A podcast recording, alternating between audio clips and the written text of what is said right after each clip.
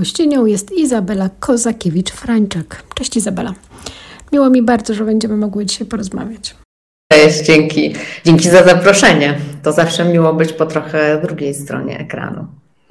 Ach, aż mam tremę, bo ty taka wprawiona kamerowo i w rozmowach. Wiesz co, tak sobie teraz, jak, jak, jak cię przedstawiłam, to pomyślałam sobie, a używasz często feminatywów w swoich rozmowach, tak zanim zaczniemy rozmawiać? Um... Wiesz co, niezbyt często. Niezbyt często, nawet ostatnio się zastanawiałam nad tym, dlaczego, e, bo prowadziłam wywiad z taką dziewczyną, która się zajmuje feminatywami i e, i, I doprawdy nie wiem dlaczego. Być może dlatego, że mm, większość część życia zawodowego pracowałam w branży finansowej, nadal w niej pracuję, a tam jest dominacja mężczyzn i jakoś tak mi weszło to w krew i nawet nie, nie, nie myślę o tym, żeby używać, a być może warto. Porozmawiamy potem. Kiedy przeglądałam Twoje media społecznościowe, to nie sposób e, nie zauważyć, E, jak ważny jest w Twoim życiu sport. E, ja widzę to od razu, bo w moim życiu to jest jakaś taka cały czas no, duża kula o nogi i cały czas próbuję się mobilizować. I faktycznie ostatnio jestem bardzo z siebie dumny, bo mi się to nawet udaje. Ale chciałam zapytać, co on ci daje? Czy ty zawsze byłaś taka sportowa? Bo to jest i, i bieganie, i widziałam półmaraton, narty, y, rowery. Yy, nie, nie byłam w ogóle sportowym dzieckiem. Znaczy nie to, że nie byłam e, absolutnie sportowym dzieckiem. Oczywiście tam w miarę e, jakichś atrakcji sportowych, szkolnych i lekkich pozaszkolnych e, coś tam robiłam. Natomiast nigdy to nie było tak, że miałam do tego sportu jakieś szczególne ciągoty. Też rodzice nie mieli szczególnych ciągot, więc, więc nie miałam jakiegoś takiego super wzoru. Natomiast pierwsza taka chyba bardziej intensywna styczność ze sportem to była podczas studiów, jak zaczęłam jeździć na snowboardzie i zaczęłam wyjeżdżać na takie babskie zresztą wyjazdy snowboardowe w klubie, który wtedy się nazywał Ladies on Board. I myśmy rzeczywiście miały tam bardzo intensywne mm, treningi. I to był taki pierwszy moment, który mnie przyciągnął do sportu, a drugi moment, który mnie już totalnie y, y, y, wchłonął albo pokazał mi, że ten sport jest ważny nie tylko dla po prostu kondycji, ale dla utrzymania stresu albo jego minimalizowania. To był okres, w którym e, mieszkałam w Niemczech. E, prowadziłam biznes Polskiej Instytucji Finansowej. To była bardzo ciężka robota. I tam pamiętam, że mieszkałam niedaleko parku i chodziłam z psem, bo z psem Mieszkałam sama tam, mieszkałam, więc była praca, y, ja i pies. I z tym psem chodziłam do parku. I pamiętam, że widziałam wtedy, to był 2008 rok, że bardzo dużo ludzi biega. Wtedy w Polsce jeszcze tak bardzo to bieganie nie było popularne. I sobie pomyślałam, kurczę, jeśli tak dużo ludzi biega, to znaczy, że coś w tym musi być. Mimo, że ja biegać nie, nie za bardzo lubiłam, jeszcze pamiętam w liceum na WF-ie. Mieszkałaś we Frankfurcie? Tak, mieszkałam we Frankfurcie nad Menem mm, i, e, i pamiętam, że wtedy zaczęłam biegać i wtedy zobaczyłam, że ten że to bieganie jest takim swego rodzaju wyłącznikiem mózgu, wyłącznikiem stresu, ale też trochę dla mnie okazało się taką fajną formą chyba medytacji, bo ja po prostu traktuję bieganie, bo głównie to jest sport taki, powiedziałabym, najłatwiejszy do zrobienia. Wychodzę z domu, zakładam buty, wszędzie mogę ten ciuch sportowy, te buty ze sobą zabrać. I, I to jest takiego rodzaju po prostu wyłącznik. I on mi daje chyba, wiesz co, taki, mm, taki najszybszy reset. Hmm. Tak bym powiedziała. Cała Twoja rodzina jest teraz taka aktywna? E, mąż jest super aktywny e, i my, mam wrażenie, obydwoje tak się trochę dopingujemy, bo widzę, jak on na, na przykład idzie na basen albo na rower, bo to on jest rowerowy głównie, ja jestem taka, wiesz, na doczepkę, ale on jest głównie rowerowy, więc jak widzę, że idzie na, na rower, idzie na basen, to sobie myślę, dobra, ja może też powinnam. więc to jedno jakby idzie w parze z drugim, natomiast dzieciaki nie jesteśmy takimi rodzicami, którzy e, są super ambitni do tego, albo nadambitni do tego, żeby dzieciaki coś profesjonalnie trenowały. Natomiast faktycznie, jeśli one mają ciągotę w jakimś kierunku, to staramy się ich w tym e, jakoś tam e, wspierać. Nasze dzieci uwielbiają narty. To jest e, według powiedzenia genu nie wydłubiesz, yy, przejęły od nas tą miłość i ja bym mogła mieszkać w górach generalnie. No to a propos genów, to jak Ci się wydaje, czyj wpływ na Ciebie był największy? To, jaka jesteś teraz? mama? Hmm, tak jak patrzę na siebie teraz i takie mam wrażenie, że teraz wychodzi ze mnie takich wiele cech, których wcześniej nie widziałam, o które wcześniej się nie podejrzewałam. I to są te cechy, które, yy, które według Maksymy Gena nie wydłubiesz, po prostu yy, są, widać, że są rodzinne. Więc ja jestem takim miksem, bym powiedziała. Z jednej strony mam bardzo dużo cech yy, mojej mamy, mm, która która jest taka, powiedziałabym, e, nie wiem, czy słowo pogodzona ze sobą jest dobrym słowem, natomiast faktycznie z niej emanuje jakaś taka forma, e, forma spokoju, ale z drugiej strony e, mam bardzo dużo cech mojego taty, który niestety bardzo wcześnie zmarł, jak miałam 12 lat, więc dużo nie był w stanie mi przekazać. Natomiast on z kolei miał E, bardzo daleko posuniętą nad aktywność zawodową, więc z niego zdecydowanie mam chyba ten ken. Więc na pewno takim miksem jestem. E, natomiast e, E, no, no na pewno ten cały okres takiej e, wczesnej, e, wczesnej dorosłości, nastoletniości, no to głównie miała wpływ mama, no bo taty już nie było. Bardzo duży wpływ też miała taka najbliższa rodzina, siostra mojej mamy i jej mąż, których do dzisiaj traktuję jak kolejnych rodziców, więc taki, no jestem składanką naprawdę wpływów z różnych stron, bym powiedziała. A co byś powiedziała, jakbym zapytała, a jaka jesteś? Jakoś tak w trzech zdaniach e, mogła opisać siebie.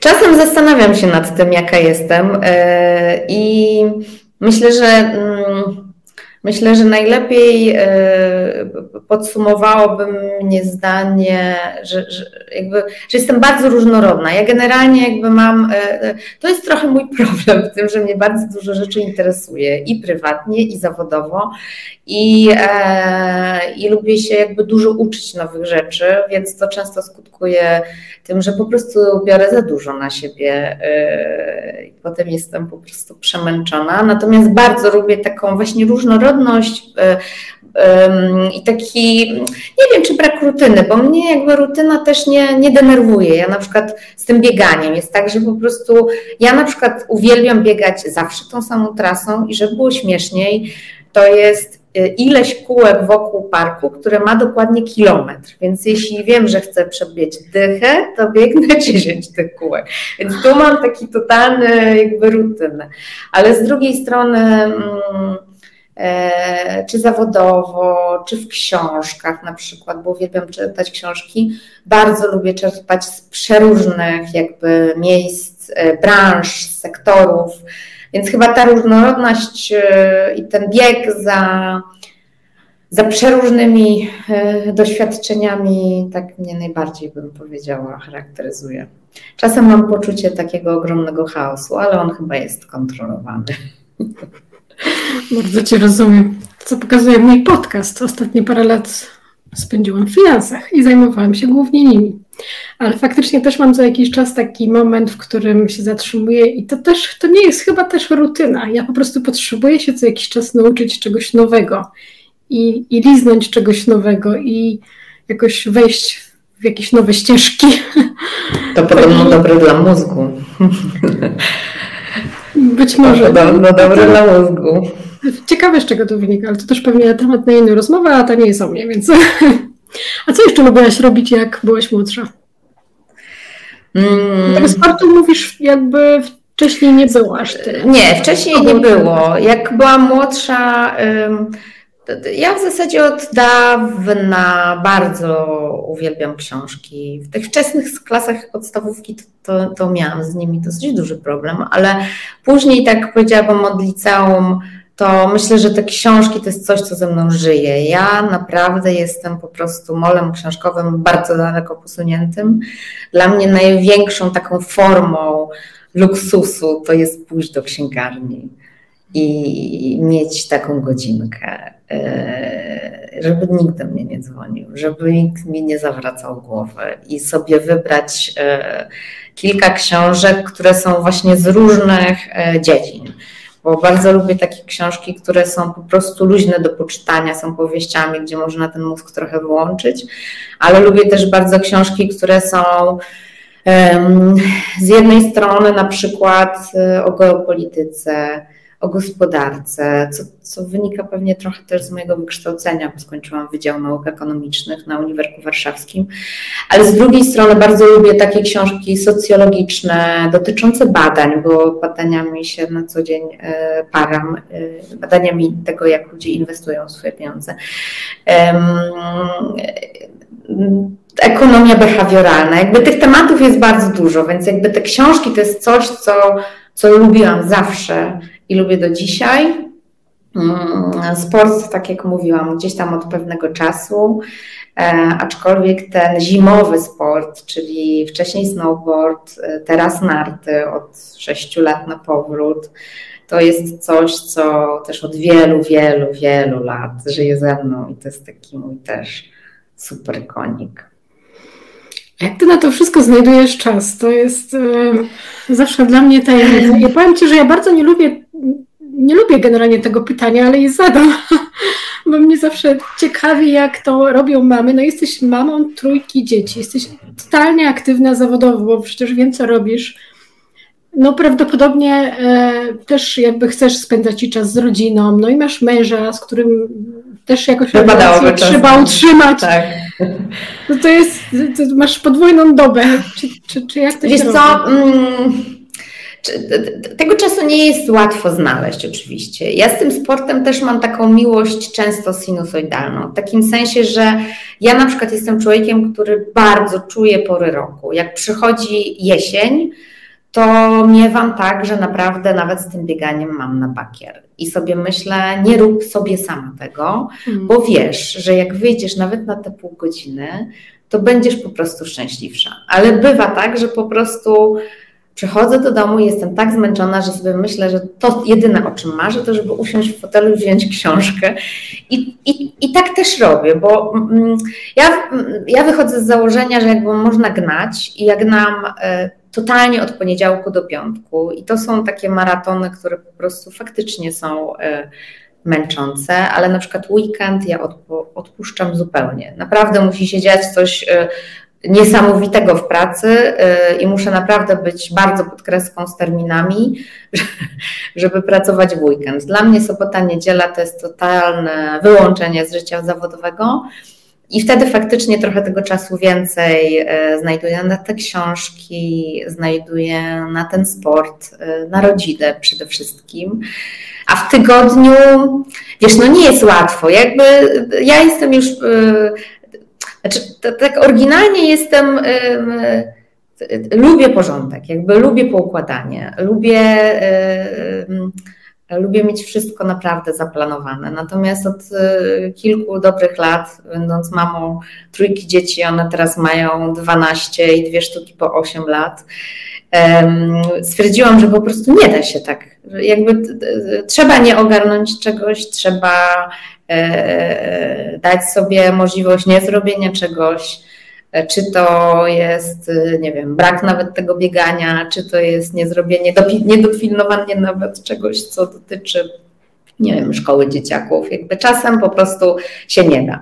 Więc czasem tego czasu się nie znajduje, natomiast y, faktycznie jakby te w ogóle moje zainteresowania, abstrahując jakby od pracy, której faktycznie jest dużo, one są takie, że one umożliwiają taką właśnie małą czasochłonność, w takim sensie, że bieganie to jest dokładnie pół godziny. To jest założenie butów, wyjście z domu i po 5 kilometrów robisz w pół godziny, więc jakby to jest najmniej chyba taki absorbujący sport. E, tak samo jest z książkami. No możesz wziąć książkę i 10 minut ją przeczytać rano do kawy i jest e, pozamiatane. Pewnie gorzej byłoby właśnie, gdybym bardzo poszła w sport typu, nie wiem, rower szosowy, który e, lubię, ale jak jest, wiesz, odpowiednia pogoda i po prostu mam na przykład 3 godziny, no bo to się już po prostu nie da. Więc no bywa tak, że nie ogarniam, natomiast generalnie poniedziałek do piątku to jest po prostu taka naprawdę daleko posunięta gonitwa. Na, nawet mam tak, że po prostu ja już od godziny wstaję 6 rano, ale od godziny takiej powiedzmy 8.30, jak to już ta praca się zbliża, to ja już czuję w mózgu w ogóle, że ten mózg już nawet przy myciu zębów, on pracuje na takich obrotach, że sobie myślę, myjesz teraz zęby, już się uspokój, teraz jeszcze możesz nie myśleć tak szybko. No, więc tak bym powiedziała. To co, jest możliwy taki balans życiowo-zawodowy? Jak teraz e, wszędzie w koło o nim słychać, nikt go nie widział, wszyscy o nim mówią. A to jest świetnie powiedziane, nikt go nie widział, wszyscy o nim mówią. E, ja myślę, że ten balans jest wbrew pozorom coraz trudniejszy, bo ta praca zaczyna wchodzić nam po prostu na, e, na głowę. Do domu. Do domu, do domu, do ręki, bo mamy telefon w ręce, mm. bo tam przychodzą maile bo, e, bo do nas klienci dzwonią.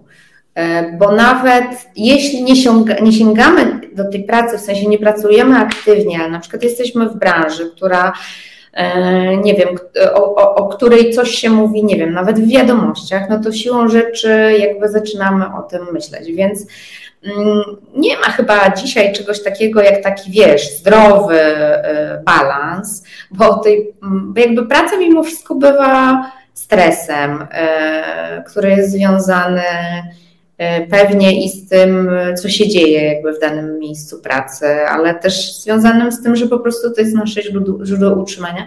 Więc pewnie jakby ten balans jest trudny. Myślę, że on jest łatwiejszy do osiągnięcia, jak same sobie powiemy, sami sobie powiemy, e, jakie są zasady użytko, e, użytkowania chociażby e, telefonów, bo z komputerem jest chyba łatwiej, no bo jak komputer otwierasz, to na ogół na nim pracujesz. Oczywiście mówię o takich zawodach, które są, które są możliwe do prowadzenia online. Bo szczerze powiedziawszy, to za czasem na przykład zazdroszczę mojej szwagergierce, która jest dentystką i sobie myślę, ona wychodzi z tego swojego biura i ma i, i ma w miarę jakby czystą tą głowę. Tak, bo zamyka, ja wiesz co, nie tylko drzwi, ale też głowę. To, to miałam ostatnio właśnie taką rozmowę na ten temat z sąsiadką, że no ty sama kiedyś pracowałaś e, no, w korpo, teraz jesteś przedsiębiorczynią. I co? I to, to ma wady i zalety jednak, bo faktycznie wiele osób myśli, że okej, okay, to jesteś na swoim, to wiesz, czasami ja tutaj jakichś prywatnych telefonów od rana e, mam całą masę, no bo przecież w domu jesteś, tak? No to, to jakby... E, a to wbrew pozorom nie, nie jest tak łatwo utrzymać faktycznie tą taką higienę pracy, nie? I, I wyłączyć głowę tak po prostu o 15 i do widzenia, nie? E, to dobrze, że użyłaś powiedzenia higiena pracy, bo to jest chyba coś, o czym najczęściej dzisiaj zapominamy.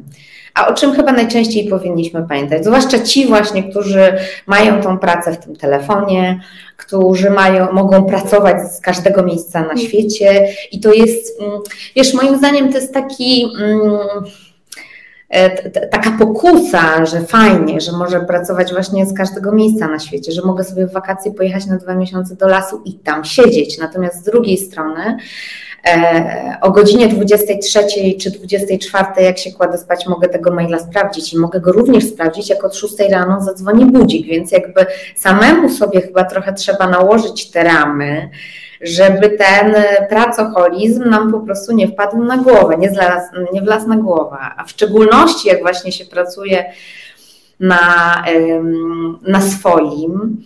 Znaczy, ja pracowałam bardzo dużo w korpo. E, rzeczywiście bardzo lubiłam tą pracę i po prostu dużo pracowałam, bo, bo sprawiała mi przyjemność, bo chciałam te rzeczy dobrze wykonać. Mm. Natomiast praca na swoim ma e, to do siebie, ja to zawsze mówię, to jest jak, taki, jak takie podkrętło e, głośności e, w telewizorze albo w radiu, albo tam w amplitunerze. Jak więcej popracujesz, to tych faktur zostawisz więcej. A jak się otworzysz na jakiś nowy sektor, to może jeszcze to jest coś fajniejszego, co będzie cię bardziej kręciło i może jeszcze przyniesie jakieś tam rozsądne pieniądze. Więc jakby to jest jazda bez trzymanki, bez końca i trochę trzeba sobie jakby ten plan narzucać na tą przedsiębiorczość, no bo no bo ta właśnie higiena pracy to nie jest tylko i wyłącznie to, co mam do, do odrobienia dzisiaj, ale to, o czym właśnie drzwi, jakie mogę otworzyć do dalszego rozwoju tej przedsiębiorczości, ale też te, e, które jeśli otworzą, no to może będą zabierać mi jeszcze więcej czasu, więc jakby to jest chyba najważniejsze. To wiesz co, jak właśnie rozmawiamy o tym takim szukaniu balansu i, i tych e, wadach i zaletach e, tej dziedziny życia, bym chciała wrócić e, jeszcze trochę do, do jednak do Twoich dzieci i do Twojego mm, macierzyństwa. Jakie Ty widzisz teraz takie największe problemy, czy nie, nie chcę nazwać tego problemami, może wyzwania w wychowywaniu? Myślisz, że teraz jest, jest trudniej, może powiedziałabym inaczej niż kiedyś? Mamy więcej wyzwań? Mm, wiesz, co jest pewnie inaczej. Znaczy inaczej. No każde. Mm, może my jesteśmy inne. czasem się, wydaje, że, czasem się wydaje, że może jest trudniej niż jak my, e, my byłyśmy dziećmi. Natomiast z drugiej strony, jakby każdy czas jest e, e, jakiś jest, to fajnie mówi mój mąż, który mówi, nie żyjemy w szczególnych czasach. Jakby każde czasy są szczególne dla tych ludzi, którzy po prostu w nich żyją, więc no nie, nie, nie róbmy z nich jakby jakiegoś tam e, nie, nie wiadomo czego. Natomiast faktycznie mm, to, co myślę, że jest takim sporym wyzwaniem pewnie dla, e, dla młodych rodziców, ale ale to też jest pewnie jakby widoczne w różnych płaszczyznach życia. To jest ten taki duży, wiesz, dostęp do wiedzy, która z jednej strony daje nam tyle narzędzi, bo taką świadomość możemy mieć o wszystkim, o tym jak, nie wiem, zmienia się mózg dziecka, które dorasta, o tym jak to dziecko, nie wiem, karmić, żeby było zdrowe albo coś tam. Natomiast z drugiej strony jest tak strasznie dużo takich wiadomości, które są albo fejkowe, albo są o takich treściach negatywnych, które no też nie wpływają jakby dobrze. No to, to, są badania y, i potwierdzone, które mówią o tym, że jakby oglądanie najmiernej ilości treści, które są negatywne, po prostu źle wpływa na samopoczucie i źle wpływa na zdrowie. Więc myślę, że mm, Pewnie najbardziej e, problematyczna jest ta ilość tej wiedzy, którą my sobie fundujemy jako rodzice, jako matki, jako ojcowie. Mm, jeśli chodzi o to wychowywanie dzieci. No i oczywiście pewnie ten dostęp do tych wszystkich, e, hmm, tych wszystkich wiadomości, newsów, social mediów przez same te dzieciaki, bo jak tak obserwuję teraz mojego 12, 12-letniego syna, to wydaje mi się, że największym pewnie takim wyzwaniem mm, w takim właśnie w prowadzeniu go, nie wiem, wchodzenia w tą dorosłość, to jest nauka tego, w jaki sposób filtrować te informacje, których jest taki ogrom w internecie, z których większość to jest absolutny bullshit, więc y, jaki, w jaki sposób po prostu filtrować te informacje, w jaki sposób je dobierać, to wydaje mi się, że jedna jest y, takie wyzwanie, które powiedziałabym, że jest istotne, a z drugiej strony, jak faktycznie to, co powiedziałaś, higiena pracy. Higiena pracy to jest jedna rzecz, ale w ogóle higiena życia w kontakcie z tymi wszystkimi nowoczesnymi technologiami, newsami, informacjami, YouTubami, social mediami, to jest chyba wyzwanie największe dzisiaj takich rodziców dorastających dzieci, jak tym dzieciakom pokazać, że oni mają używać tego, bo ja, jakby ja uważam, że dostęp do tej, tego ogromu wiadomości, to jest najlepsze, co się może zdarzyć dla mózgu, który poszukuje jakby nowych zainteresowań. Natomiast z drugiej, z drugiej strony to skrolowanie tych treści, takie bezmyślne, no to jest coś, to, to jest największy jakby zgryz, jak te dzieciaki nauczyć, żeby oni potrafili utrzymać tą higienę używania tego internetu. To chyba jest największe. Mm, ja zresztą sama mam fizycznie taki, wiesz, takie poczucie, że e, że po prostu jestem mniej szczęśliwa, jak za dużo siedzę w tym, w, w, w tym necie i za dużo nieodpowiednich e, e, treści skonsumuję, o tak bym powiedziała. Czyli jakby tego musimy chyba najbardziej nauczyć te dzieciaki.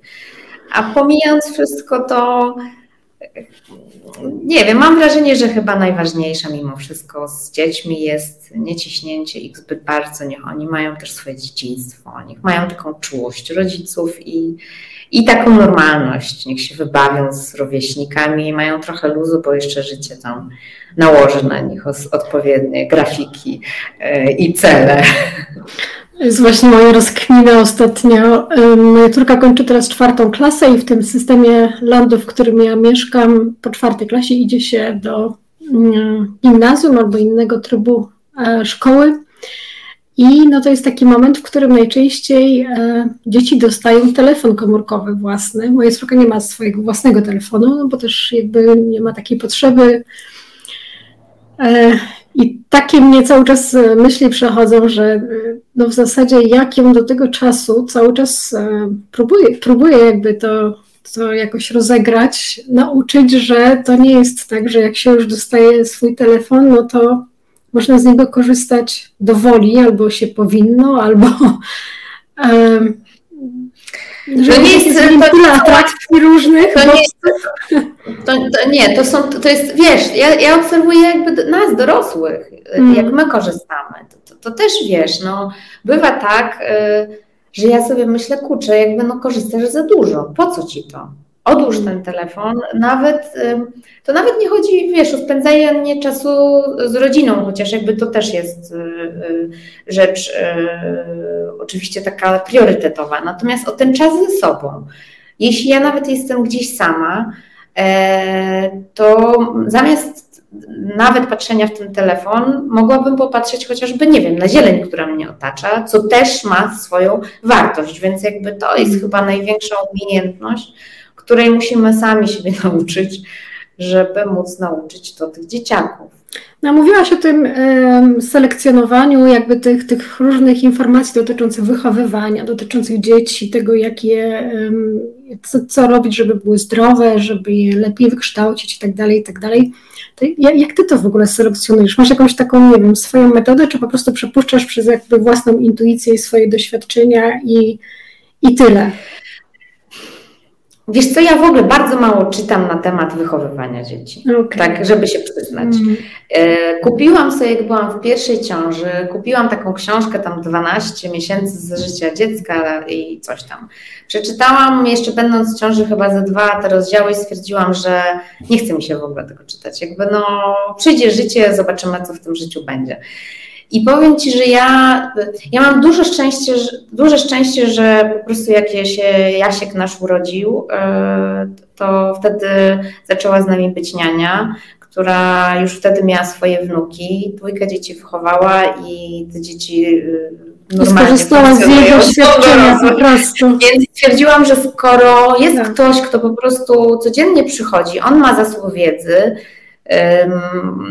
no to dlaczego jakby z niego nie skorzystać? Bo to, bo wiesz, no ja teraz się nie, nie, nie, nie wiem, no skończyłam y, tyle lat ekonomii, więc coś o niej wiem. Specjalizuję się zawodowo w czymś tam, więc coś o tym wiem. A trudno, żebym teraz jakby przywaliła, kolokwialnie mówiąc, przez rok jakąś wiedzę, którą na przykład ktoś posiadł przez ileś lat wychowywania dzieci na temat tego, nie wiem, czy to dziecko siadać, sadzać na nocniku wtedy czy wtedy, czy mu dać banana, czy coś tam. I oczywiście jakby są te różne teorie, nie wiem, najnowsze, żeby dzieci tak karmić, a nie inaczej, ale z drugiej strony jakby bądźmy trochę normalni. Ja wychodzę wiesz, z założenia, że jak idę do fryzjera, to nawet jak mam jakąś wizję swojej fryzury, to ten fryzjer niech mi powie, czy ja będę w tym dobrze wyglądało. Bo kiedyś miałam wizję, żeby się super ciemno ufarbować i wyglądałam po prostu koszmarnie, więc teraz jak idę do mojej, mojej pani fryzjerki, to mówię, Pani Agnieszko, ja już jakby się oddaję w Pani ręce, nie będę to kombinować. I trochę jest z tym wychowywaniem dzieci chyba też tak, że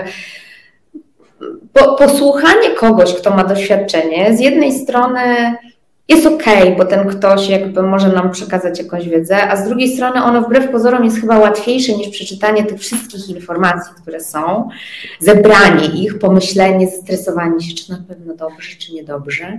Więc chyba trzeba po prostu trochę odpuścić czasem. I ja tak e, odpuszczam. Ja często tak właśnie różne tematy po prostu odpuszczam. A to, czy moje dzieci zjedzą wiesz, banana, czy super przygotowanego batona według jakichś najnowszych tak, trendów, to, to, to, myślę, że to nie jest najważniejsze. No ale nie miałaś wokół siebie, bo to, to jest taka chyba bolączka też wielu, wielu młodych mam, nie miałeś wokół siebie miliona doradczyń, które ci mówiły, ach Taniania, to w ogóle jakieś starodawne metody, co ty w ogóle tutaj wyskakujesz, a, a to trzeba robić inaczej, a, a, to zrób tak, to zrób tak. I wiesz, to głowę. Nie, no oczywiście, jakby, o, oczywiście jakby myślę, że ten milion doradczyn jest yy, i, do, i doradców jest, yy, jest pewnie, nie, po, nie, pewnie nie pomaga, natomiast yy, Wiesz, ja mam taką w ogóle cechę, czy w życiu w prywatnym, czy w życiu zawodowym, że jak co do zasady jakby słucham, co ludzie mówią, dlatego na przykład uwielbiam badania. Uwielbiam, naprawdę uwielbiam badania rynku, badania tych inwestorów, którym czym się zajmuję, bo ja w ogóle bardzo lubię słuchać ludzi. Natomiast to, czy ktoś coś powie i to mi zostanie w głowie, czy nie, to już zupełnie inna jest kwestia.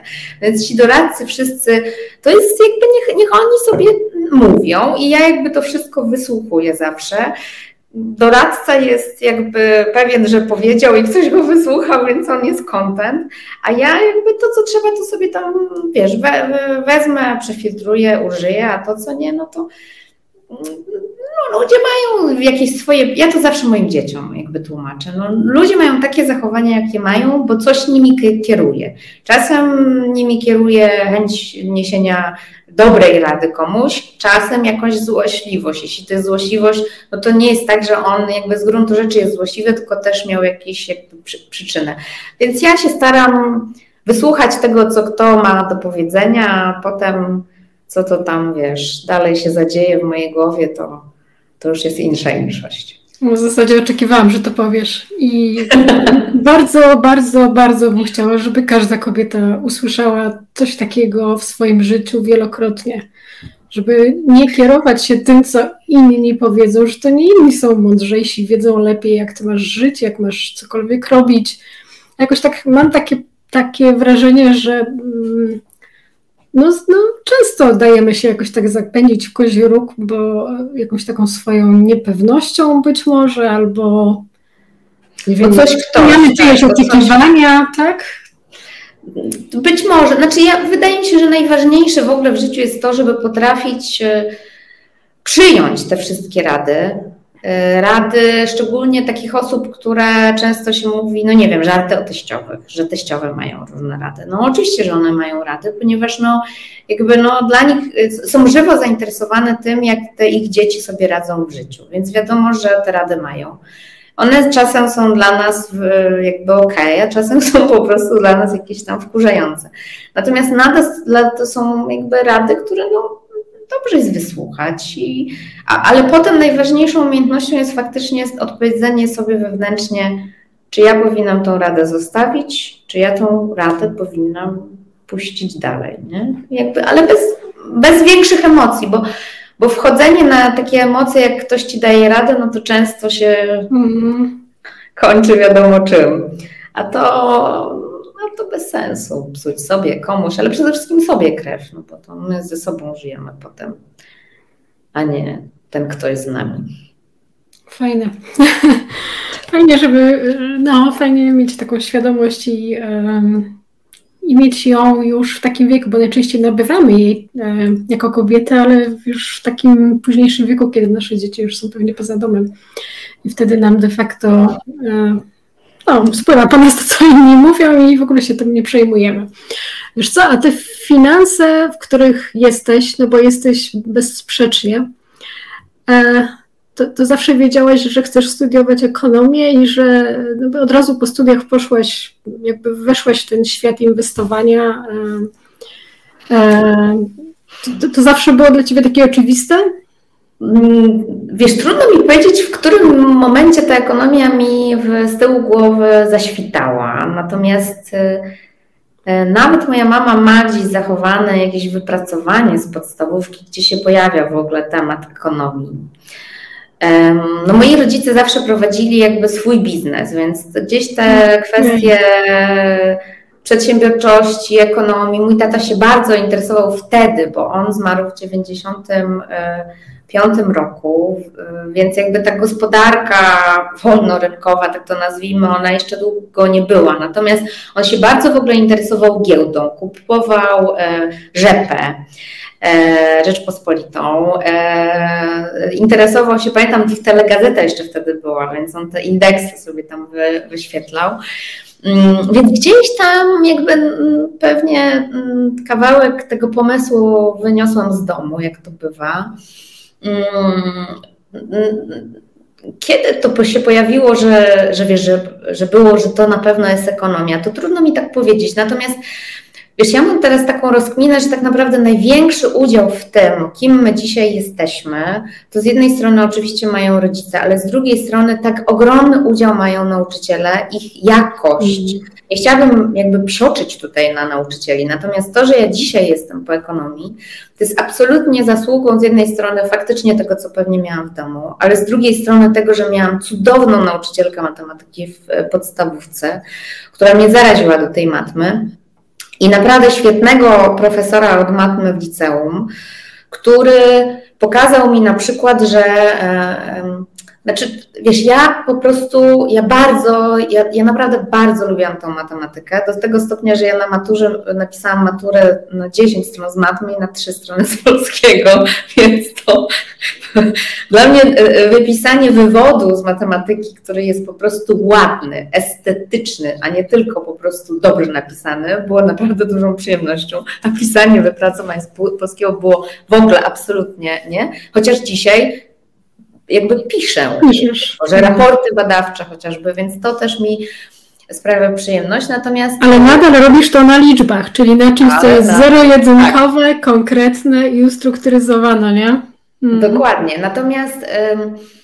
i, i, ale to chciałam powiedzieć, że jakby to, w jaki sposób od tego młodego wieku ktoś nam pokaże to piękno i ktoś jest po prostu um, taką osobą, która nas porwie, to jest tak super ważne. I na przykład teraz, jak rozmawiam z moim synem, jakich on ma nauczycieli od tak, tego, tamtego, siamtego przedmiotu, to tak wiesz, zastanawiam się, jak już dzisiaj na niego może mieć wpływ to, że on psioczy na jakiegoś nauczyciela, bo ma kosmiczny i będzie miał kosmiczny. I mm, i tak sobie myślę, że taka, wiesz, taka, no pewnie liceum, początek liceum, druga klasa liceum, to, to był taki moment, że ja już wiedziałam, że gdzieś w kierunku tej matematyki to na bank, na bank. A potem, a potem był wybór w zasadzie pomiędzy Uniwerkiem Warszawskim a SGH-em. Jakoś poszło na ten uniwerek i, e, i, i, i te studia pamiętam, były, e, ja byłam na finansach i bankowości. Tam mieliśmy dużo e, jakiegoś modelowania, statystyki, wyceny opcji, takich tematów. I pamiętam, że z jednej strony tak sobie myślałam, że to jest spoko, ale że to jest dla mnie za mało. W takim sensie, że bardziej mnie mimo wszystko takie bardziej też kreatywne rzeczy interesują. Mm, więc tam próbowałam sobie w tych, w tych studiach statystycznych coś powynajdować, jakieś takie fakultatywne rzeczy. I później, jak skończyłam studia, mm, no to oczywiście tam zaczęłam szukać jakiejś pracy y, i ja w sumie w XTB y, nawet to nie było tak, że ja aplikowałam tam, w sensie wysłałam jakieś CV, tylko poszłam na kurs, który oni wtedy prowadzili, analizy technicznej rynków akcyjnych. A ja tą analizą techniczną faktycznie się interesowałam, bo jakby to jest w ogóle, to jest w ogóle piękna dziedzina, tak bym powiedziała. To jest trochę taka dziedzina, która ma w sobie trochę z inwestowania z twardej matmy, ale ma trochę w sobie magii i tego, trochę magiczne, tak?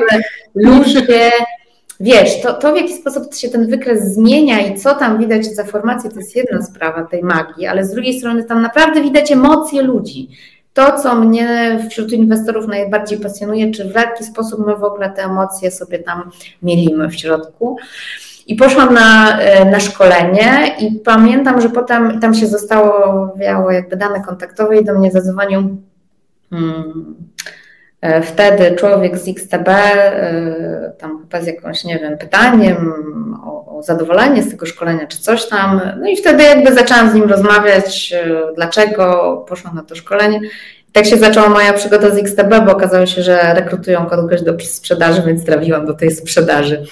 I byłam tam 10 lat od stanowiska sprzedawcy na słuchawce do wicedyrektora do spraw na kilkanaście rynków zagranicznych, do marketingu i do, i do sprzedaży, więc naprawdę to była taka no, fajne szkolenie, na które poszłam i się skończyło niezłą jazdą bez trzymanki. A ty inwestujesz też prywatnie? Jesteś aktywną inwestorką? E, jestem aktywną inwestorką z jakby z zmienną aktywnością w zależności trochę od czasu, bo Mm, te rynki na przykład akcyjne, to mm, teraz jakby dochodzę do takiego momentu, albo doszłam już jakiś czas temu do takiego momentu, że, że, że albo e, mimo wszystko kupuję jakiś na przykład ETF i trochę zamykam oczy i nawet nie sprawdzam, jak są jakieś doniesienia o zmianach stóp procentowych albo wskaźniki makroekonomiczne, po prostu na długi termin zawierzam, że to, to jest coś, co jakby poniesie w długim terminie, bo wiem, że taka analiza jakby um, nawet średnioterminowa, dla mnie, kiedy ja naprawdę ten rynek y, lubię analizować, to, to się skończy tym, że ja będę siedziała i po prostu dłubała w tych wykresach. Czyli nie jesteś taką spekulantką, która tej analizy technicznej używa. Znaczy ja bardzo Cię rozumiem, bo to jest są pierwsze trzy lata mojej początków inwestowania i faktycznie było tak, że na ekspresie do kawy przerobienie kolacji stał komputer e, z wykresami. Nie? To było No właśnie. Znaczy powiem Ci tak, ja miałam taki powrót do takiej, e, takiej krótkoterminowej analizy rynku w pandemii. Bo jak była pandemia i była, e, wybuchła ta pandemia, ten lockdown taki pierwszy, najpierwszy, gdzie po prostu wszyscy siedzieliśmy w tych domach. I pamiętam wtedy mm, rozmawialiśmy z moim mężem, on mówi, kurczę, taki jest, e, taka jest zmienność na tych rynkach, może byśmy coś na tych walutach. I tak się, słuchaj, wciągnęliśmy przez trzy dni, że po prostu nasze dzieci prawie, że same sobie robiły obiad i stwierdziłam, że że to jest w ogóle bez sensu, bo to jest jak y, to jest jak uzależnienie, naprawdę, jak potrafisz analizować ten rynek jakoś tam w miarę i zaczynasz widzieć i się zastanawiasz, a może jeszcze to, a może jeszcze to, a to może to, to, to, tą transakcję zamknąć, a tam otworzyć, to okazuje się, że jakby twoja praca schodzi na um, dalszy, um, dalszy ten, to, to życie, które się wtedy działo całkowicie w domu, rodzinne, lockdownowe też jakby gdzieś tam się toczyło, więc chyba bardziej taką, powiedziałabym, jestem inwestorką e, w tym dłuższym, średnim i dłuższym terminie, a nie taką, chociaż oczywiście mam ciągotę, chciałabym czasem sobie tam w telefonie siedzieć i wiesz, tu kliknąć, tam kliknąć. No zobacz, jaki to jest ważne, nie? Jak, jaki wpływ mają jednak, no to widać, ja, ja mam to samo, nie? Widać, jaki wpływ mają na inwestowanie emocje i jak trudno jest um, postawić sobie jakieś takie granice, poza które nie wyjdziemy sami, nie? Sami dla swojego tak. E, umysłu, nie? Dlatego ja też, ja ze tak. zdrowia jakby dla, dla własnego dobra i, i znając się, stałam się faktycznie też taką typową inwestorką w wartość, bo no ja, no bo wiesz, jakby to się wyszło w ten overtrading taki, wiesz. E, no, no, znaczy jeśli faktycznie, jeśli to jest, wiesz, jeśli to jest coś, co traktujesz jako hobby, czyli jakby no zamiast, nie wiem, obejrzenia serialu albo przeczytania książki, po prostu sobie posiedzisz z tym wykresem i po prostu masz z tego fan, no to jest jakby okej, okay. natomiast rzeczywiście no to jest taka spekuła, więc trudno powiedzieć, że to, to dla mnie takie inwestowanie, um, no bo inwestowanie też musi jakiś tam jakby z, z, z, sprawiać e, e, w jakimś celu być. Więc jakby jeśli sobie faktycznie, a dla mnie ten cel jakby inwestycyjny to, to jest jakaś tam, wiesz, pomnażanie kapitału i trochę tworzenie takiej bez, bezpiecznej przyszłości, więc, więc to jest raczej nie to, co, co właśnie, wiesz, podbudza adrenalinę i, i, i wiesz, jest trochę taką grą. Dobra, to wiesz co, to zostając teraz przy pieniądzach, mamy takie powszechne przekonanie w Polsce, powtarzane od pokoleń, że pieniądze szczęścia nie dają. A tobie dają? Lubisz pieniądze? Wydaje mi się, że to jest bardzo złe powiedzenie, które żyje z nami e, kulturowo zupełnie bez sensu, bo e, wiesz, ja, to jest takie uczucie, które mam od, e, od kilku lat, e, bo w sumie w korpo pracowałam do 2016 roku, więc już tam kilka lat poza tym korpo też jestem na rynku i powiem Ci tak, że ta... Mm, jest, chciałabym nazwać tego sprawczością. Natomiast ten moment, w którym na przykład mam dobry sezon, dobry miesiąc albo dobry kwartał przychodowo i widzę w tych wystawianych fakturach, że jest spoko, to jest taki moment, w którym normalnie ja czuję, że te skrzydła tam jakby rosną. I to nawet nie chodzi o, o wiesz, o to, że, że, że te pieniądze dają właśnie jakieś tam, nie wiem, szczęście, czy dumę, czy cokolwiek, tylko taki spokój, że że można sobie dać radę, że sobie jakby, że masz komfort, że po prostu się wszystko spina, że masz e, komfort, że, że nie wiem, że, że możesz właśnie rozwijać jakieś tam swoje, e, nie chciałam powiedzieć ze ścianki, ale nie wiem, lubisz narty, no to jesteś w stanie sobie pojechać na te narty z tymi wszystkimi dzieciakami, co tanim jakby hobby nie jest. Więc jakby wydaje mi się, że to jest pewnego rodzaju spokój, taka euforia, którą masz i sobie myślisz, jest ok, jakby będzie dobrze, jest fajnie. I naprawdę taka, taki rozwój, czujesz jak ci rosną skrzydła, więc jakby jak ktoś mi mówi, że pieniądze szczęście nie dają, no to jakby może sobie tam mówić. Oczywiście jakby są, wiesz, no są ludzie, którym niewiele trzeba i oni mogą e, i oni mogą e, tych pieniędzy nie mieć. Natomiast jak ktoś mimo wszystko ma młodą rodzinę, ma dzieci, które są w szkole podstawowej i przed nimi jest szmat po prostu czasu przeróżnej edukacji. I ma też jakieś tam swoje zainteresowania, no to mimo mimo wszystko ta kapitałochłonność wszystkich możliwych pomysłów, nawet jak one nie są, wiesz, e, super ekskluzywnymi pomysłami, po prostu jest duża, więc jakby, zresztą teraz się przymierzam do takiego kolejnego otwartego projektu badawczego o tym właśnie, jakie mamy ciśnienie i parcie na te pieniądze e, względem jakby różnych etapów naszego życia. I, i, I to nie jest tak, że jakby one szczęścia nie dają, natomiast na pewno ich posiadanie czyni nas po prostu spokojniejszym, a to jest, a to jest fajne, to chyba jest najfajniejsze. Jest dużo badań, które mówią o tym, że faktycznie satysfakcja z życia rośnie z każdym dodatkowym dochodem i osiąga jakiś taki swój stan e, optymalny koło ponad 100 tysięcy euro rocznie.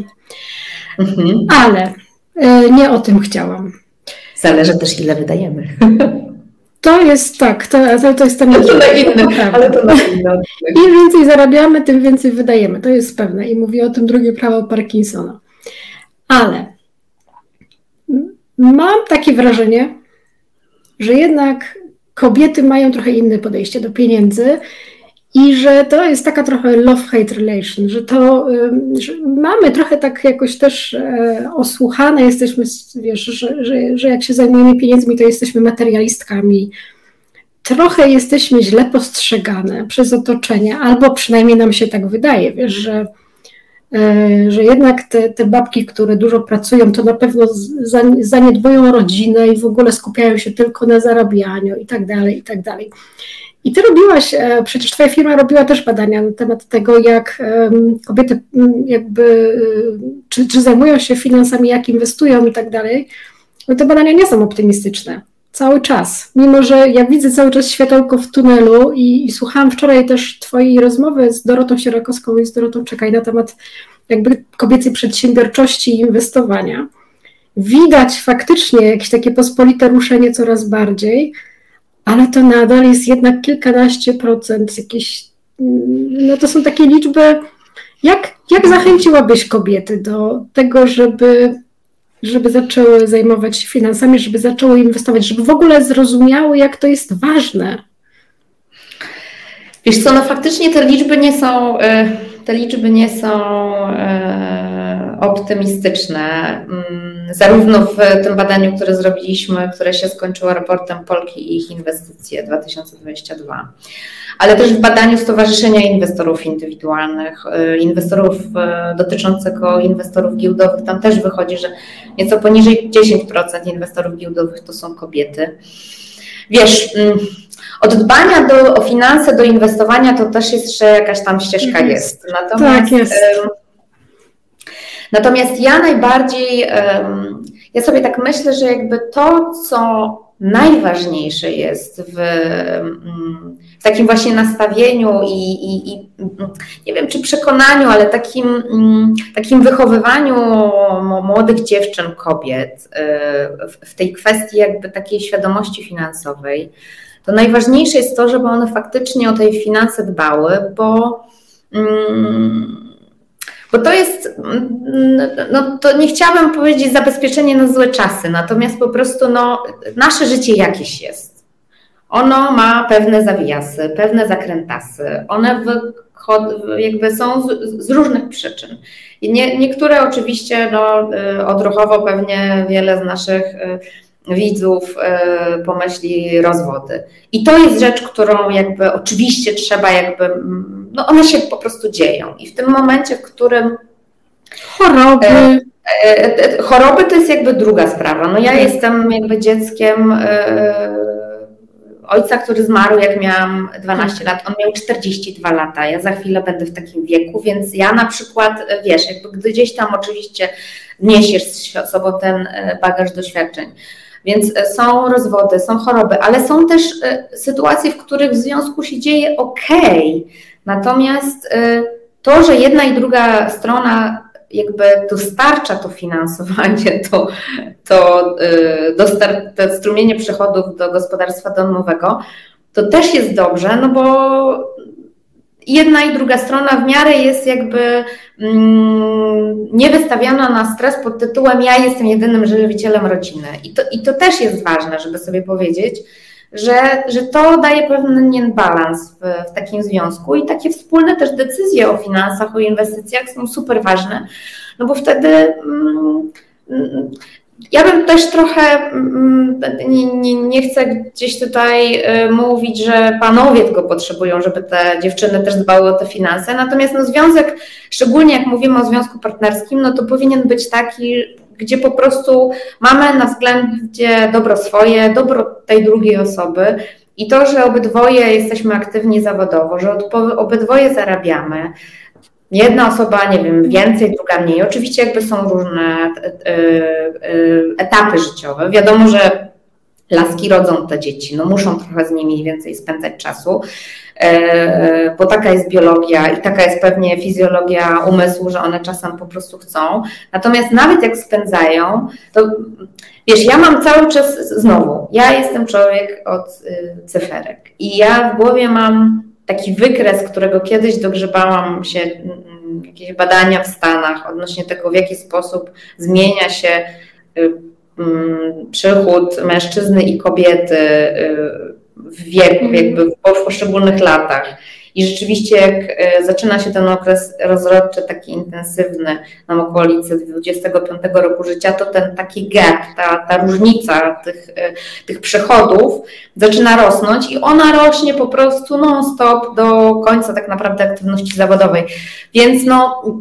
Wystarczy popatrzeć, ja zawsze to mówię, popatrzmy na to, w jaki sposób ludzie się rozwijają w korporacjach e, zawodowo. Oczywiście to to są często, to jest cięż, często ciężka robota, która, mm, mm, której trzeba wiele wyrzeczeń, natomiast tam widać, że jeśli pracujesz non-stop przez całe życie zawodowe, no to dochapiesz się w końcu do tej najwyższej drabinki. Jeśli pracujesz jakby mniej aktywnie, no to się dochapiesz w końcu do jakiegoś stanowiska specjalistycznego i tyle.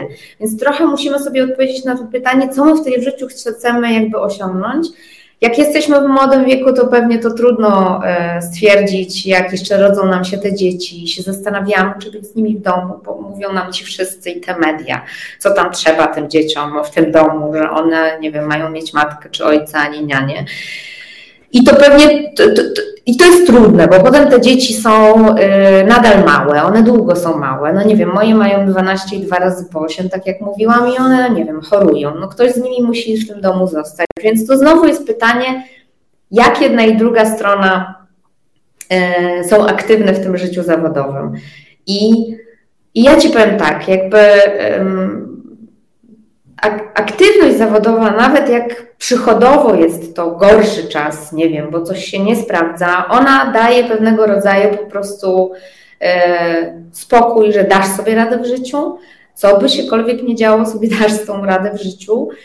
I jeśli jest taka możliwość, e, że, że są te małe dzieci, a możemy sobie pozwolić, nie wiem, na nianie albo na babcie, to korzystajmy z tego, bo mm, no bo, bo, bo z tymi dziećmi na karku, jak one cały czas chorują, to ani praca na etacie tak super łatwa nie jest, ani praca tym bardziej na swoim tak super łatwa nie jest, więc, ym, więc, yy, więc to jest bardzo ważne, żeby aktywizować te dziewczyny do, przede wszystkim do, do tej pracy zawodowej, no bo te finanse skąd się muszą brać. Żebyśmy dbały o te finanse, one skąd się muszą pierwotnie wziąć. Dobra, to ja tutaj chętnie w swoje pięć groszy muszę wcisnąć. Dobrze. E, bo kiedy to mówisz, ja się totalnie z Tobą zgadzam, zwłaszcza w sytuacji, w której wiemy, że ponad połowa kobiet w takim wieku aktywnym zawodowo w Polsce nie pracuje, czyli nie ma własnego dochodu. Aczkolwiek cały czas uważam, że zarabianie, które ja uważam, że jest obowiązkiem i koniecznością każdej kobiety, i niekoniecznie mówimy tutaj pewnie o tym, żeby się na szczebelkach kariery y, człapać aż wiesz, do, do miejsca w zarządzie, ale mówimy o zarabianiu po prostu. Jest moim zdaniem zawsze pierwszym elementem w takim skutecznym zarządzaniu swoimi pieniędzmi. To jest właśnie to, co, ten element, który chcę poruszyć na tym warsztacie, który zaproponowałam, który, na który y, y, Iza między innymi jest współorganizatorką konferencji Akademia Inwestorek, który będzie się w marcu, więc jeśli słuchacie tego podcastu e, wcześniej, w marcu 2023, to zapraszamy na stronę Sieć Przedsiębiorczych Kobiet e, i zapraszamy na konferencję. To jest, to jest temat, który ja właśnie chciałabym poruszyć między innymi na tym warsztacie, który będę prowadzić, że każde pieniądze można wydać. Każde. To, to Spotykam na swojej drodze ludzi, którzy zarabiają po kilkadziesiąt tysięcy i de facto, gdyby stracili, bo akurat te osoby to są głównie ludzie z korpo, gdyby stracili nagle pracę z dnia na dzień, to w zasadzie ich wartość netto jest na bardzo dużym minusie. Tak. I taką miałam refleksję tydzień, tydzień temu chyba. Byłam prelegentką na konferencji, którą organizował Puls Biznesu. I po tej konferencji odezwały się do mnie e, panie, prosząc o, o jakąś taką rozmowę czy konsultację w związku z finansami. I to była konferencja dla menedżerek. Tam były prezeski, dyrektorki, menedżerki wysokiego szczebla i tak dalej. Czyli to nie były kobiety, które zarabiają mało, ale one de facto nie mają pojęcia, jak zabezpieczyć swoją przyszłość finansową. One nie wiedzą, jakie mają cele finansowe, one nie wiedzą, jak w ogóle tymi pieniędzmi zarządzić, nie mają pojęcia o inwestowaniu, ale nawet o takim e, poukładaniu w ogóle tych pieniędzy. Nie? To, to, to jest A dla to mnie każdym razem fascynujące, że de facto można dużo zarabiać, ale bardzo szybko można w tej drodze się gdzieś zagubić i w efekcie gdzieś um, wejść w taką uliczkę, w której znowu będziemy musiały zaczynać od początku. Znaczy to jest trochę, wiesz, to jest trochę taka złota klatka, którą wrzucamy mhm. sami na siebie, bo to myślę, że nie jest kwestia oczywiście tylko kobiet, ale też jakby wszystkich nas, że jak zaczynamy więcej zarabiać, no to oczywiście możemy sobie pozwolić na, nie wiem, lepszy samochód, lepsze oprawki do okularów, e, lepsze wakacje. To jeszcze pal licho, jak bierzesz to za gotówkę, ale wiesz, bierzesz leasing na samochód, który jest po prostu, jedziesz pięknym samochodem, który jest w leasingu, mieszkasz w wypasionym apartamencie, który jest w kredycie i to bardzo wysokim i tak dalej, i tak dalej. Możemy to wymieniać i nagle dostajesz wypowiedzenie, bo jest restrukturyzacja a masz, nie wiem, to szczęście może czasem trzy miesiące okres wypowiedzenia, a na koncie, nie wiem, 40 tysięcy, nie? I i masz przede wszystkim, wiesz, no, to, że masz właśnie, że masz taki, te kredyty to jest jedno, ale z drugiej strony jesteś przez, ja mam takie wrażenie, że często jakby um, osoby na wysokich stanowiskach, które faktycznie mają te przychody, mają, jakby są przyzwyczajone do tej jakby struktury tych wydatków, nawet codziennych. I wiesz, i nagle się okazuje, jak to? W ogóle jak ja mogę wydawać mniej? Przecież to nie jest możliwe, a to jest możliwe. Akurat mnie y, super dużo w tym temacie nauczyła, y, nauczyło bycie na swoim. Że jakby bywają przeróżne czasy. Bywają takie, gdzie ho, ho, ho, jest po prostu, wiesz, złoto, ale bywają takie, że jest naprawdę słabizna. Więc, więc to jest bardzo ważne. W ogóle myślę, że to jest y, kwestia dzisiejszego świata i to trochę ekologii, ale też takiego właśnie świadomego, co, to co mówisz, świadomego zarządzania swoimi finansami. Żeby sobie odpowiedzieć na pytanie, czego my de facto w tym życiu potrzebujemy, czy, czy, czy tej konsumpcji na tak, takim poziomie, czy może trochę na innym bo to. Bo, bo ja to... uważam, że to nawet jest pytanie o to, czego my de facto chcemy od życia, o, o nasze cele, jakie mamy marzenia. Po co mi są te pieniądze? Na jakie, jakie marzenie chcę spełnić? Do jaki cel chcę osiągnąć? Bo de facto, Dokładnie. jeśli tego nie zdefiniujesz, to ile byś nie zarobiła, to nadal nie czujesz się w życiu zadowolona i szczęśliwa, moim zdaniem. Znam mnóstwo ludzi, tak. którzy zarabiają kupę kasy, a nie, nie, nie czują po prostu radości z tego, co mają na co dzień, e, co robią i tak dalej. A de facto ja uważam, że pieniądze są jedynie środkiem do tego. Mamy jedno życie, do tego, żebyśmy były po prostu szczęśliwe. E, prawda. Także, także taki chciałabym zrobić ten warsztat na konferencji, wracając do, do tematu. Bo myślę, że i widzę to po prostu przez te ostatnie kilka lat, a de facto y, najczęściej prowadzę szkolenia dla firm i najczęściej są to jakieś kadry menedżerskie czy, czy osoby, które po prostu mają kapitał. Że cały czas sprowadza się to wszystko do jednego, do tego, że ludzie po prostu nie wiedzą, czego chcą, nie znają nie swoich wiedzą, marzeń. Po co gromad... Wiesz co, ja mam takie wrażenie, że firmy na przykład, które generują przychody, mają jakieś cele swoje nie wiem, jak, ile mają tych przychodów mieć, jak mają je wygenerować, to one też jakby mają jakiś pomysł, jak te przychody potem dystrybuować, gdzie je alokować, mhm. czy reinwestować, czy to ma być dywidenda i tak dalej. I, no i ludzie też powinni trochę tak zacząć funkcjonować, bo ja rzeczywiście, tak jak patrzę na siebie i na te ostatnie, nie wiem, 15 lat życia, to myślę, że spokojnie mogłabym mieć znacznie lepszy, większy majątek.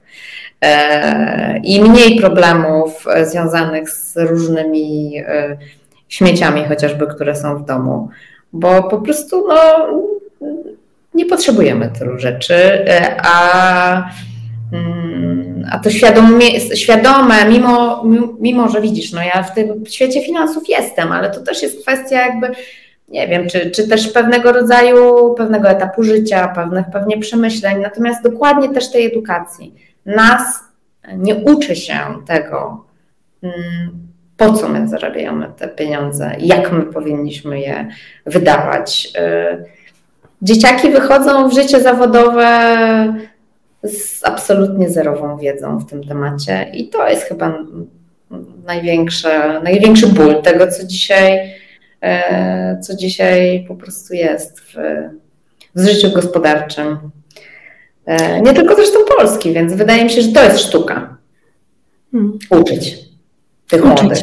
No, bardzo żałuję, że, że w szkole nie uczy się o finansach, bo jednak to jest taka wiedza, która dotyczy każdego, nie? I potem taki dorosły człowiek wchodzi w życie i aktualnie widzę, że tą funkcję przejmują trochę firmy, które próbują dać pracownikom, bo są, jest też sporo badań, które mówią o tym, że faktycznie ten dobrostan finansowy człowieka ma wpływ na to, jak, jak on pracuje, jak jest efektywny w pracy, jak się w niej czuje i tak dalej.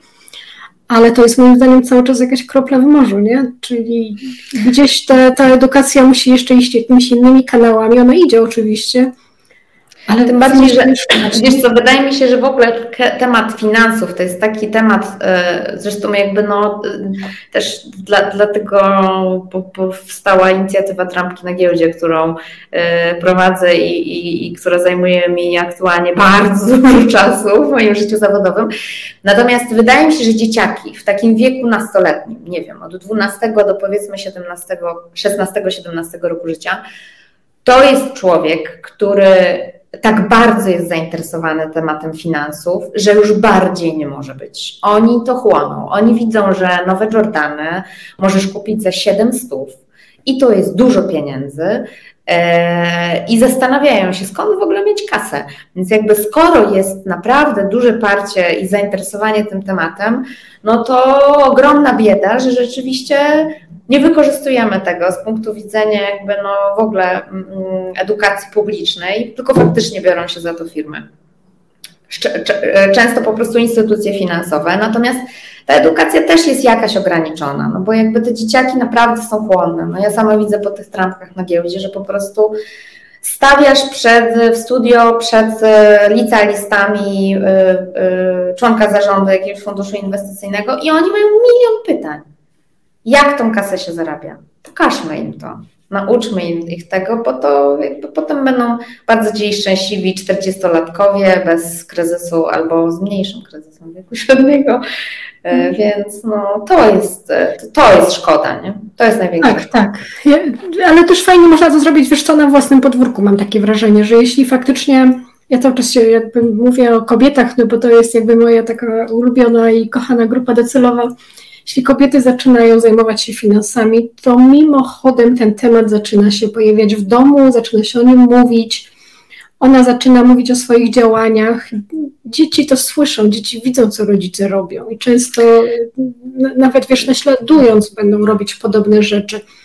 Więc e, to, to, to jest znaczy, fajna droga, którą można. Ja powiem tak, że to jakby że ta Akademia Inwestorki, to, to jakby ja, ja bardzo widzę, że ogromna jest potrzeba oczywiście aktywizacji kobiet w finansach, w inwestowaniu, bo po prostu no to, to jakby są też statystyki, które potwierdzają, że wtedy kraj jest bogatszy. No i nie ma co tam specjalnie dyskutować. To jest pierwsza sprawa. Ale druga sprawa, faktycznie często ta edukacja idzie od matki do dziecka. No po prostu tak jest kulturowo, też nie ma co z tym dyskutować i tyle. My teraz zaczęliśmy, to jeszcze tak jakby kończąc wątek tych trampek, zaczęliśmy taką akcję recenzuj książkę, czyli młodzi biorą do łapy książkę, czytają o finansach i inwestowaniu, wybierają jakąkolwiek, wysyłają do nas recenzję, my ją publikujemy. Ja wrzuciłam u mnie na Facebooka taką informację o tej akcji i napisałam: Chcecie y, swoje dzieciaki zachęcić do czytania? Zgłaszajcie się do mnie. Dostałam, słuchaj, 20 zgłoszeń. 20 zgłoszeń od rodziców, z czego jedno było od taty. Jakby no, hmm. jakby ja z tym nie dyskutuję. Znowu, ja jestem człowiekiem od e, cyfr e, i po prostu obiektywne e, kwestie są takie. Nawet się zastanawiałam, nie wiem, może na tym fejsie mam więcej tych dziewczyn niż tych chłopaków. Może ta grupa docelowa, bo to takie słabe badanie. Natomiast hmm. sprawdziłam mniej więcej, mam wiesz, jakby 50-50, na 20 osób jeden ojciec. Więc no. Mm, mm, dobrze jest te babki uczyć tego podejścia do finansów, bo mimo wszystko jakby od nich dużo idzie do tych dzieciaków. No i, i to jest chyba fajna inwestycja w społeczeństwo, tak mi się wydaje. Piękna puenta. Bardzo dziękuję Wam za tę konferencję. Naprawdę uważam, że takie inicjatywy są jak złoto po prostu dla, dla, dla kobiet w Polsce. A co uważasz za swój największy sukces? No mimo wszystko chyba mimo wszystko chyba rodzina. To jest rzecz, która daje e, power. E, te wszystkie inne tematy, które się dzieją, one są. Mm, moja praca jest po prostu jakimś moim hobby. To jest takie jakby, to jest, to, to jest daje mi dużo fanu, oczywiście dużo stresu, wiadomo, no bo tam nie, nie są tylko przyjemne rzeczy, natomiast jak miałabym tak usiąść i powiedzieć, co mi daje najwięcej radochy i poczucia takiego sukcesu, to jest to, że po prostu mam fajną rodzinę, mam trójkę fajnych dzieci, mam spoko męża, z którym oczywiście różnie bywa i jak to w każdym związku. Natomiast per saldo uważam, że mamy bardzo dużo wspólnych hobby i takich rzeczy, które nam frajdę przynoszą. E, dwa super fajne psy, z czego jeden kupiony na spontanie, bez konsultacji z drugą połówką. E, I, i, I, chyba taki, chyba taka normalność w domu, w sensie takim, że, że, że my naprawdę nie ciśniemy tak w tym, w, te, w tym domu na nie wiadomo co, jest, jest chyba takim czymś, co największą satysfakcję mi przynosi takie poczucie, że to jest jakiegoś rodzaju sukces przy czwórce z przodu. A miałaś jakieś porażki? Oj, Dużo miałam porażek. Ja szczególnie dużo miałam porażek przez ostatnie te 6 lat y, życia zawodowego na swoim. Bo próbowanie przeróżnych rzeczy, z czego się naprawdę dużo rzeczy nie udało. Pomysłów, co będzie absolutnym hitem po prostu. Zresztą mm, teraz dużo jakby mam do czynienia ze startupami, no bo i y, Mamy taki portal o inwestowaniu w startupy i trochę wywiadów, i trochę jakichś procesów inwestycyjnych gdzieś tam się dzieje. Więc mogę śmiało powiedzieć, że, y, że bardzo rozumiem porażki startupów, bo tyle porażek, które y, wydawało mi się, że to jest jakiś świetny pomysł, albo że to będzie się super sprzedawało y, przez 6 lat ostatnich, które zrobiłam, a dzięki temu jakby no, mam jakąś tam swoją optykę w tym momencie i wiem, że to, co robię dobrze i co mi wychodzi, czyli właśnie te badania, edukacja inwestorów, to jest to, czego się powinien człowiek parać, a nie wymyśleć sobie zupełnie jakieś nowe tematy. Więc porażek zawodowych miałam, e, porażek zawodowych miałam myślę sporo. E, natomiast e, też wydaje mi się, że to, to jest znowu, to się mówi, że tam porażki to są lekcjami. Trochę chyba tak jest. To jest, mm. to jest coś, co co chyba musi być jakby wpisane i tyle. No. Z życia prywatnego na szczęście chyba jakiegoś blamarzu nie zaliczyłam drastycznego. Jest różnie, jest lepiej, jest gorzej, jak to u każdego, jak to się mówi, wszędzie zielono tam, gdzie, wszędzie trawa zielona tam, gdzie, gdzie nas nie ma. I tak Natomiast rzeczywiście w życiu zawodowym z przeróżnych garnków jadłam, przeróżne rzeczy widziałam. E, dużo w top zaliczyłam e, i myślę, że można by śmiało o tym zrobić książkę. A czujesz się kobietą spełnioną? Myślę, że tak. Oczywiście bywają różne. Bywają takie momenty, szczególnie późną jesienią albo w styczniu, kiedy sobie myślę, że jest takie wszystko trudne i ciężkie. Jak wstajesz o 6 rano i jest środek nocy i myślisz sobie, czy to jest wtorek czy sobota i to jest, e, i trzeba ten cały kocioł e, śniadań, e, dzieci, pracy rozhulać. I przychodzą takie momenty, że sobie myślę, że w zasadzie to życie jest naprawdę ciężkie. Natomiast per saldo myślę, że myślę, że czuję się kobietą spełnioną.